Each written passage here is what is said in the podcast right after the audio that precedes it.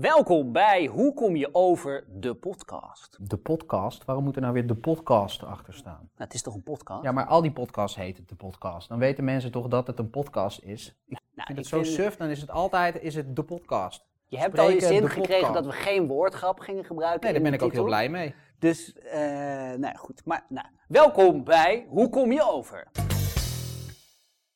Ja, heel leuk dat jullie er zijn. Klinkt heel raar, toch? Nee, Nou, mensen weten helemaal niet. Oké, nou, prima. Ik vind dat het lekker doorloopt. Oh, goed. Laten we het vooral ook even hebben over hoe, nou, wat deze titel dan betekent. Want hoe kom je over? Dat is natuurlijk heel, best wel een dingetje. Ja, zeker. Eh, zeker. tegenwoordig al helemaal. Mhm. Nu iedereen zo zichtbaar is. Nee, maar even eerlijk. Nee, het is gewoon op heel veel manieren belangrijk Ja. hoe je overkomt. En, eh, nou ja, daar gaan Oh. we. Het is geen datingadvies. Nee, nee, nee, nee. Hoe kom jij over als spreker wel, Ja, toch? als spreker. Ja. In interactie zou Ja. je ook kunnen zeggen, hoe kom je over eh, in je professionele leven? Ja. Maar dat zou ook in je persoonlijke leven kunnen zijn.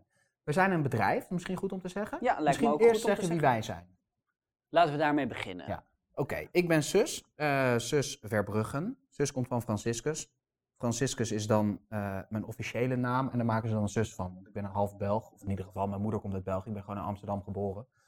Eh, maar nou, dat is een, Ja. Vlaamse genaampje, hè? Sus, Suske was het vroeger. Maar nou niet meer. Toen ik elf werd, zei mijn vader, zo, nu heet je Sus. Nou, sindsdien, Heet je zus? ja.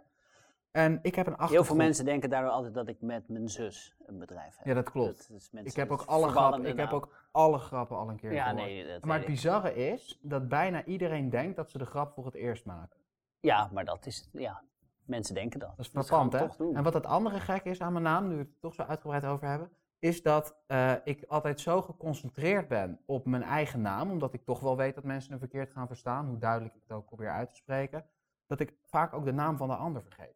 Omdat je zo bezig bent met, ik hoop dat het goed Ik kan uitkomt. het goed uitspreken, oh, Ja. dan moet ik zo weer een Ja. correctie doen, oh, Ja. dit en dat, en dan, en dan ben ik heel die andere naam. Goed, maar laten we ja, even doorgaan. ja, ja, ik was al door en dat gaan we toen Ja, onderbrak nee, jij ja, voor nou, de duidelijkheid. Je was aan het Luister maar terug, lieve luisteraars. Maarten onderbrak mij Nou, juist op het luister moment maar dat terug, ik lieve wat luisteraars. Zus is aan het uitweiden. Maar goed, we gaan door. Jij was aan het jezelf aan het Ja, voorstellen. ja, daar gaat het immers om. Ik heb een achtergrond in theater. Ik heb op de mimeopleiding gezeten. Mensen denken dan altijd aan pantomime. Nou, dat is dus niet. Het is een mime fysiek acteren. Mhm. Dat heb ik in Amsterdam op de toneelschool gedaan. En eh, daarna eh, heb ik heel veel gespeeld en ben ik met Maarten dit bedrijf begonnen. Ja, Present u. zeker. Dit bedrijf noem ik het ook, alsof, alsof deze podcast een bedrijf is. Nou, doet er niet toe. Eh, dat bedrijf heeft wel degelijk wat te maken met deze podcast, want wij hebben een bedrijf in spreken. En dat gaat eigenlijk, is, is het een beetje de slogan, een motto, is ook een beetje kies hoe je overkomt.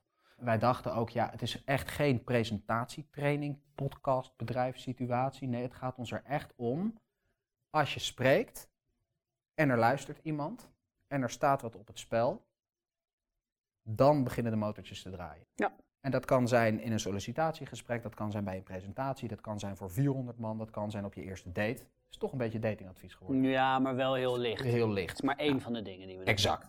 Dus dan doet het ertoe hoe je overkomt. En, en daar werken we mee. Exact. Ik zal mij ook nog even voorstellen. Ja, Ik ben eh, Maarten. Ik heb een achtergrond, Maarten van den Berg, achtergrond in cabaret. Ehm, nou, op allemaal verschillende scholen gezeten. In Antwerpen, in Den Bosch, in Amsterdam. En uiteindelijk eh, zelf cabaretprogramma's gaan maken. Veel voor televisie gewerkt. eh, voor een programma van Jan-Jaap van der Wal. En daarna voor Zondag met Lubach. En ik heb een heel onstuimige fysiek. Dat kan je niet zien in deze podcast. Maar die gaat alle kanten op. we moeten de hele tijd ook de podcast stilzetten, omdat Maarten's microfoon weer eraf vliegt. Exact.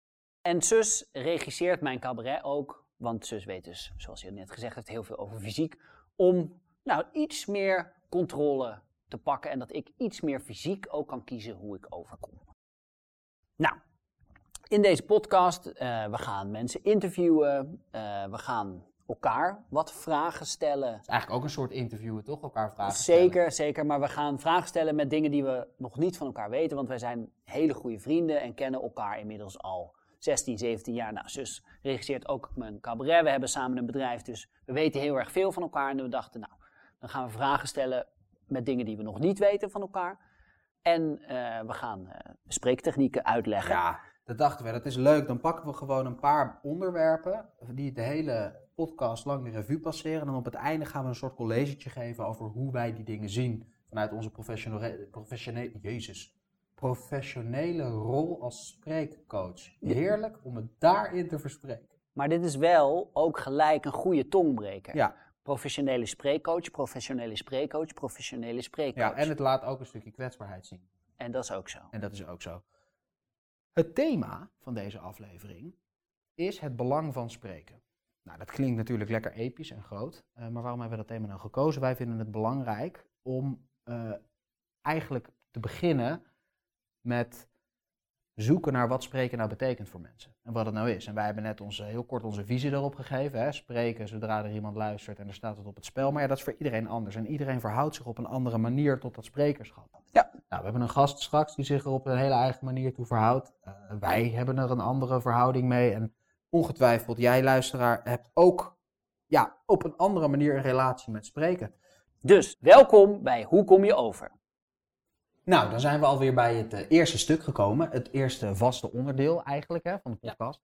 Ehm, en wij dachten, het is wel leuk voor jullie om ons ook een beetje te leren kennen. En het is ook leuk voor ons om elkaar te leren kennen. Maar we kennen elkaar natuurlijk al verschrikkelijk goed. Dus we dachten, weet je wat we doen? We stellen elkaar om beurten een vraag. Waarvan we van elkaar ook nog niet weten wat het antwoord is.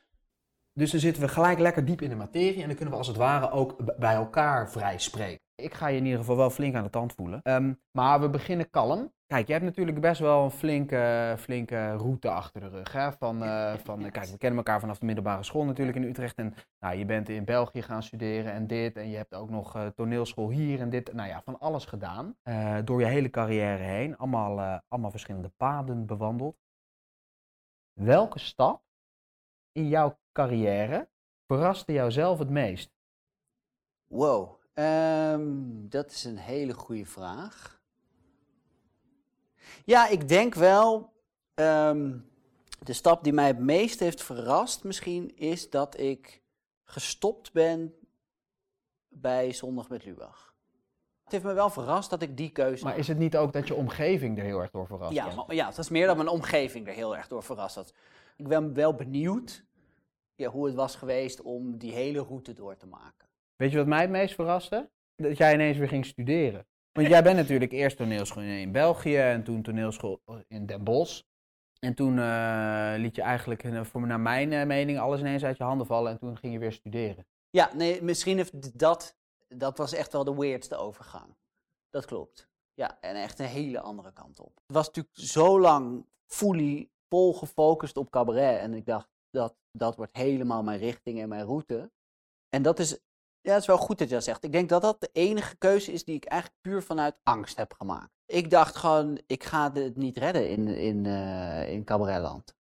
En toen dacht ik, nou, dan moet ik er ook nooit meer iets mee doen. En dat heb ik twee weken volgehouden. Precies. En toen ben je gaan studeren en toen ben je daarna bij Zondag met Lubach aan de slag gegaan en daar ben je toen vervolgens zelf mee gekapt. Ja, dus ja, er is wel een soort raar patroon dat als iets echt heel goed is, dat gaat dat ik ermee kap. We zitten er gelijk goed in. Je hebt me lekker aan de tand gevoeld. Jij bent. Ja, mijn, eh, mijn vraag is ook wel een. eh, ja, jij hebt natuurlijk de afgelopen drie jaar eigenlijk weinig gespeeld. En ik ben benieuwd, mis jij het spelen? Ja. En wat, wat mis je dan? Applaus. Applaus. Ja. En alleen applaus? Nee, of, eh, natuurlijk niet. Het is wel zo'n moment waarop het allemaal samenkomt. De ontlading bij het applaus is voor mij als speler vele malen groter dan tijdens het spelen. Hè, als je iets doet terwijl je eh, lekker bezig bent, of eh, je merkt dat het goed gaat Ja. en je merkt dat mensen aan je lippen hangen, of je bent, eh, je hebt echt een klik op het podium met je tegenspeler, weet ik wat aan, dat is allemaal heel leuk, maar dat applaus op het einde, dan incasseer je het ook echt allemaal. Dan moet je ook maar eens kijken. Dat vind ik altijd zo bijzonder als je ook bij, bij spelers, acteurs en actrices, als je, dan moet je eens goed naar die gezichten kijken. Terwijl dat applaus komt. Daar, Ja. daar gebeurt zo ongelooflijk veel. Joh. Dat is echt Ja. een soort van gigantische ontspanning en tegelijkertijd een, een enorme ontlading. En het, ja, dat is gewoon niet echt vervangbaar. Dus dat is het, ja toch, ja, dat klinkt een beetje gek of zo. Ik weet niet of het, of het narcistisch overkomt, maar dat is wel het meest onvervangbare stuk van het spelen, ja. Nee, ja, eh, toen je het in de eerste instantie zei, dacht ik, oh ja, maar dan gaat dat dus echt, dat het over jou gaat. Maar nu je het zo hebt uitgelegd, denk ik, oh ja, maar dus het gaat ook wel echt over die ontlading. Ja, dat zo. Zo. Oké. Nou, hebben we elkaar toch weer wat beter leren kennen. hey, we gaan nu luisteren naar uh, Sam Anders. Sam is een succesvol ondernemer, is uh, de founder, hè, de oprichter van zijn bedrijf DEP, de Sfeerontwerpers. Waarmee die sfeer ontwerpt, ja de naam zegt het dan natuurlijk. En hij doet ongelooflijk veel zaken doorheen Nederland. Van uh, horeca, hij heeft Carré volgehangen, Holland Casino. Echt een, uh, een bureau van formaat. Hij is ook succesvol als ondernemer aan de ene kant. En aan de andere kant is het een enorm creatieve geest. Wij waren heel erg benieuwd bij Sam naar hoe zijn sprekerschap is ontwikkeld door de jaren heen. Hoe dat is als ondernemer, omdat je natuurlijk een andere verantwoordelijkheid krijgt op het moment dat je in een bedrijf groeit. Je hebt verantwoordelijkheid voor meer mensen. Hij heeft nu andere ideeën over hoe hij wil gaan spreken in de toekomst en wat dat voor hem betekent. Ook een beetje de vraag die Maarten mij net stelde. Laten we gaan luisteren en kijken hoe het vanuit de ogen van een ondernemer gaat met het sprekerschap. Welkom Sam. Super te gek dat je de gast wil zijn in onze podcast. Je hebt een bedrijf in sfeer maken. Ik heb een bedrijf in sfeer maken in een ruimte die sfeerloos was. Dat is een openbare ruimte waar veel mensen moeten zijn en zo lang mogelijk willen blijven, is het belangrijk dat de sfeer goed is. En die sfeer weet ik te maken met verlichting, in combinatie met geluid, aangename muziek, fijn licht, eh, waardoor je een goede ambiance krijgt. het fijne is van uh, het groeien van een bedrijf, en als eigenaar, founder, om een mooi Engels woord te zeggen, uh, heeft ook nadelen. Je verantwoordelijkheden worden groter, je hebt verantwoordelijkheid over 50 gezinnen inmiddels. maar je moet ook jezelf op een hoger niveau uh, vertegenwoordigen. Dus je moet weten waar je over praat. Je moet je kunnen presenteren. Je moet stiltes durven nemen. Je moet durven lachen. Je moet weten waar je het over hebt. Je moet een, goed verhaal met een begin en een eind. Om uh, te zorgen dat ik dat ook op hetzelfde niveau als ik met licht omga, ook het niveau te be hebben behaald om te presenteren, om mezelf te verkopen, om mezelf te laten zien. En om ook mijn passie te laten gelden in een gesprek. Nou ja, en je bent ook je verhaal uh, gaan Ja, dat is de andere kant. vertellen. Ik, um, zijn, ik, kwam er, ik kwam erachter dat er niet zoveel mensen zijn die eigenlijk een passie hebben kunnen volgen. Ik bedoel, ik wilde als jongetje al um, vroeg uh, doen wat ik nu doe. Ik wist al heel snel wat ik moet doen. En ik zag om me heen dat de jeugd eigenlijk doelloos rondloopt, zonder doel. Die weten niet wat ze willen, die weten niet hoe ze het moeten doen. Die laten zich helemaal gek maken door de social media. En dat was ook mijn reden om te gaan, om, om, omdat, ik het, omdat het me gelukt is, omdat ik het goed heb, omdat ik uh, misschien ook geluk heb gehad, wil ik uh, dit delen. Ik voelde me daar sociaal, uh, ja, ik voelde me, ik vond dat ik dat... Want hoe reageerde ze bijvoorbeeld? Nou, dat ik ehm, dat docenten die meestal altijd aan het werk zijn als de presentaties worden gegeven, hun laptop dicht doen en ook mee gaan luisteren. Um, niemand op zijn telefoon gaat zitten tijdens de 40 minuten dat ik sta te kletsen. En zelfs nog daarna nog een half uur vragen stellen over het feit dat ze proberen te begrijpen wat ik allemaal in die 40 minuten heb verteld. Oftewel, ze zijn al geïnteresseerd in het verhaal. Ik weet ze te boeien. Nou, dat is een wisselwerking. Dat geeft mij ook weer energie. En um, je hebt dus een ontwikkeling gemaakt in je, in je spreken. Zou je eens aan onze luisteraars kunnen beschrijven van hoe begon je uh, toen je startte met spreken en, en waar ben je nu? En waar ligt misschien de volgende stap weer? Ja, zeker. Stiltes houden. Dat was het eerste wat ik moest leren. En dat viel niet mee, want ik ben al een ratel, de kletsen, de klep, boem, bam, semmen, de bam, bam. Dus dan stiltes leren nemen en proberen daar uh, uh, ook uh, mijn, mijn mimiek gecontroleerd te houden. niet in de uh, te gaan. noem nog maar een paar van dat soort dingen op. Dat waren voor mij pittige dingetjes, ja. En, um, en waar heb je het idee van waar ben je nu als, als spreker en, en waar zou een volgende stap weer liggen? Uh, waar ik nu als spreker ben, is dat ik um, voel als ik goed bezig ben. Oké. Okay. Dus dat is echt aan eerst voelde je dat niet? Nee, dan ratelde ik en dan dacht ik, nou, als ik maar genoeg uh, kletst en heel veel van links naar rechts, dan heb ik in ieder geval mijn 20 minuten volgekletst. Maar hebben de mensen daar echt wat aan? Dat uh, besefte ik toen nog niet. En nu kijk je er anders naar. Nu, nu moet je in een 15, 20 minuten proberen een boodschap te geven, mee te geven aan de mensen. En daar word ik in getraind. Want het valt nooit mee om over jezelf te praten. Vind je dat moeilijk om over jezelf te praten? Ik moet even stil te nemen. Ehm, en, nee, ik vind het niet moeilijk om over mezelf te praten. Eén op één, zo, tegen jou, tegen jou, tegen die. Maar in groepsverband is het wel een ander verhaal. Wat maakt het anders in groepsverband?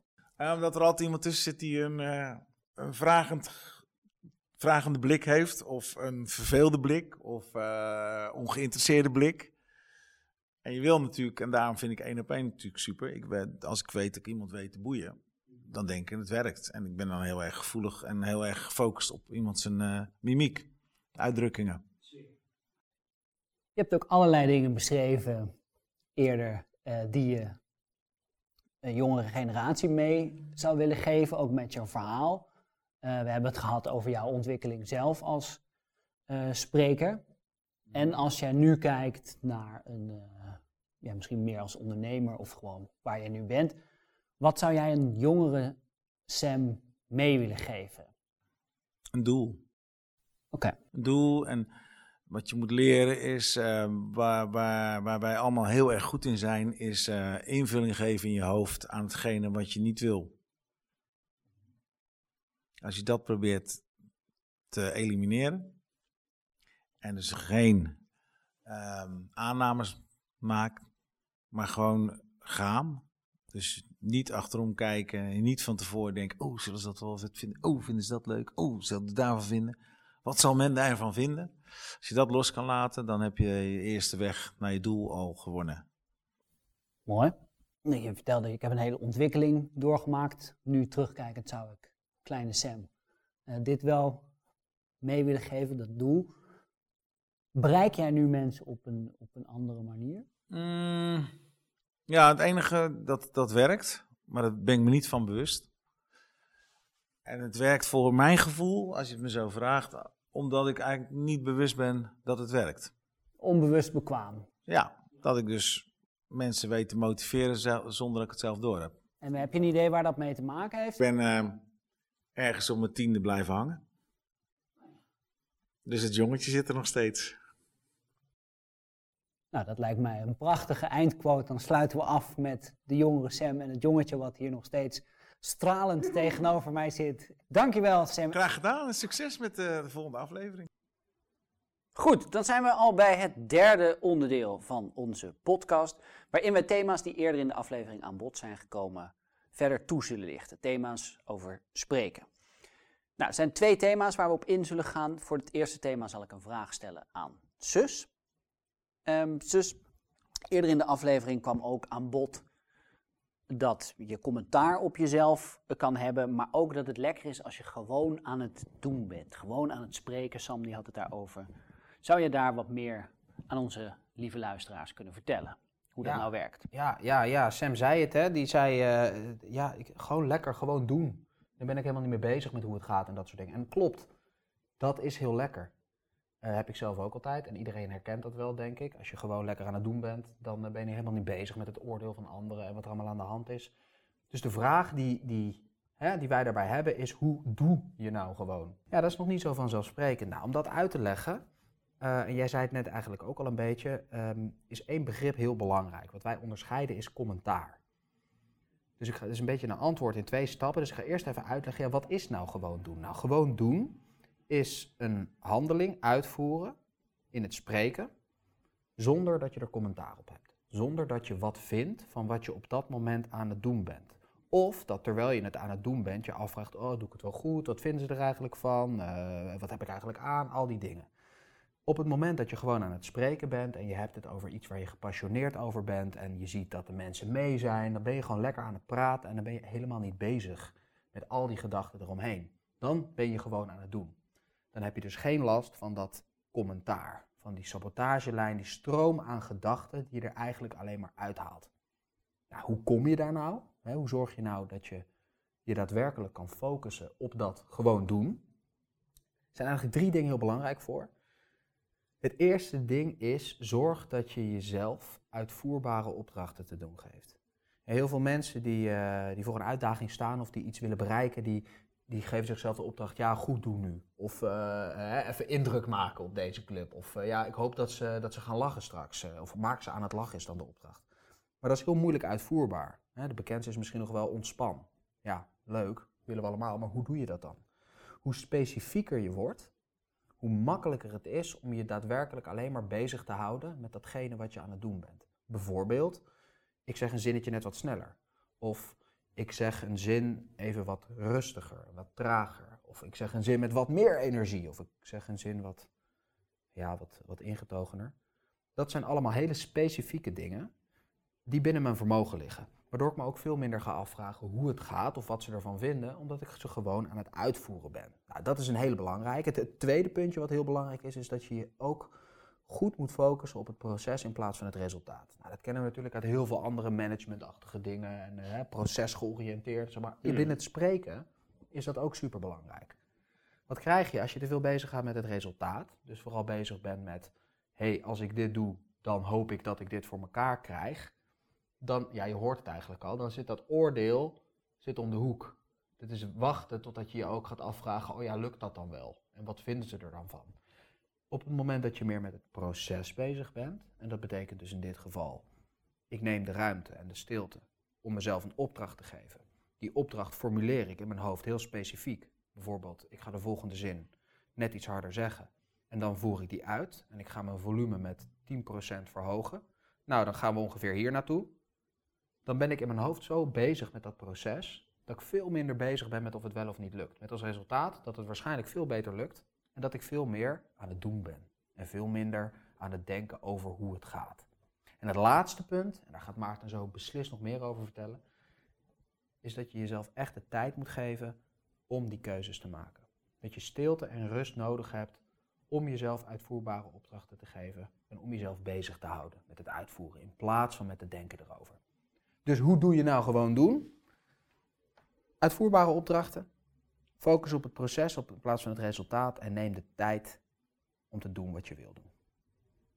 Zo, een beetje? Ja, lijkt mij uitstekend. Ja, heb je nog vragen over? Nee, ik vind het heel helder. Nou, mooi.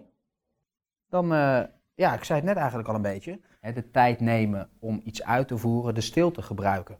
Eh, eerder in de podcast had ik het zelfs over betekenisvolle stiltes en uh, stiltes die je overkomen, waar je eigenlijk meer een gebrek aan woorden hebt. En Maarten, die gaat jullie nog wat uitleggen over hoe dat nou zit met die stiltes. Zeker. Uh, want er zit een verschil tussen een betekenisvolle stilte en een stilte die je overkomt, omdat je eigenlijk niet zo goed weet wat je moet zeggen. Als we teruggrijpen op zus zijn verhaal, als een stilte je overkomt en je eigenlijk niet zo goed weet wat je moet zeggen, ga je waarschijnlijk commentaar hebben op jezelf, omdat je denkt, ah, dit gaat niet goed, oh, ik ben als spreker verantwoordelijk nu om de tijd te vullen, ik ben aan het woord. En ga je dus commentaar hebben, waardoor die stilte niet goed overkomt. Nou, dan kan het dat mensen zich gaan onderbreken of het gevoel hebben, ah, ik moet diegene helpen. Maar in ieder geval zet je de stilte niet in als techniek. Laat je nou een betekenisvolle stilte vallen, dan gaan mensen je niet onderbreken, omdat jij kiest voor die stilte. Heel bewust. Er zijn wel 10, 20 verschillende manieren waarop je dat kan doen. Ik licht er vandaag eventjes drie uit. Er zijn drie soorten stiltes waar je voor kan kiezen. En de eerste is dat je je publiek even de tijd geeft door een stilte om te verwerken wat je tot nu toe hebt gezegd. Nou, nu in deze stilte konden jullie even nadenken, ah, wat heeft hij eigenlijk gezegd tot nu toe over stiltes en wat is nou dat verschil tussen een stilte die je overkomt en een betekenisvolle stilte. Tweede punt waarop je dit kan doen, is dat je zelf even tijd nodig hebt. Dus waar Sus het ook over had, die keuzeruimte. Zodat ik even kan bedenken, ah, de volgende zin wil ik wat harder zeggen. Of ik merk dat iemand afhaakt, ik zeg één zin even heel specifiek tegen één iemand. is ook een manier om stilte betekenis te geven. En de derde manier is de dramatische pauze. Dus dat je midden in een zin opeens stil bent, zodat je publiek heel benieuwd is, wat komt nou hierna? En dan krijgt de woorden daarvoor en daarna krijgen meer nadruk, omdat je dus een contrast aanbrengt tussen spreken en zwijgen. Nou, dat is kort gezegd het verschil tussen een stilte die je overkomt en een stilte waar je betekenis aan geeft. En je zegt dus ook, dat je betekenis geeft aan een stilte door een idee te hebben van wat je met die stilte wil doen. En als je dat dan zonder commentaar doet, dan geef je een stilte betekenis. Exact. Ja. Zijn we aan het einde gekomen van eh, onze eerste aflevering. Ontzettend bedankt voor het luisteren. Heel leuk ook dat jullie eh, nu nog steeds eh, zo geconcentreerd aan onze lippen hangen. Ja, dat vind ik ook echt he- chapeau voor jullie dat jullie dit gewoon helemaal uitgeluisterd hebben. Bijzonder, hè? Hey, wij eh, zijn over een paar weken weer terug. Over een maandje ongeveer. Het is natuurlijk nog aan het begin van het proces, dus we moeten kijken wanneer we het precies uitbrengen. En we zouden het ook heel erg leuk vinden als jullie een reactie zouden geven. We hebben natuurlijk een site, want we zijn ook een bedrijf. www.presentu.nl E P-R-E-S-E-N-T-U.nl Kun je mij mailen, kun je Maarten mailen, kun je het hele bedrijf mailen. Als je laat weten wat je ervan vindt, zijn we ongelooflijk blij mee. Eh, als je het zou, leuk zou vinden als we iets zouden bespreken wat jou bezighoudt. Laat weten waar je mee worstelt, want dan eh, gaan we het erover hebben. Dan, ja, dat eh, was hem wel, denk dat ik. was hem. Dank jullie wel, luisteraars. Dank jullie wel. En ook met dank aan Frederik Rekers, onze Grote dank. productieleider. Absoluut. Doeg. Joe.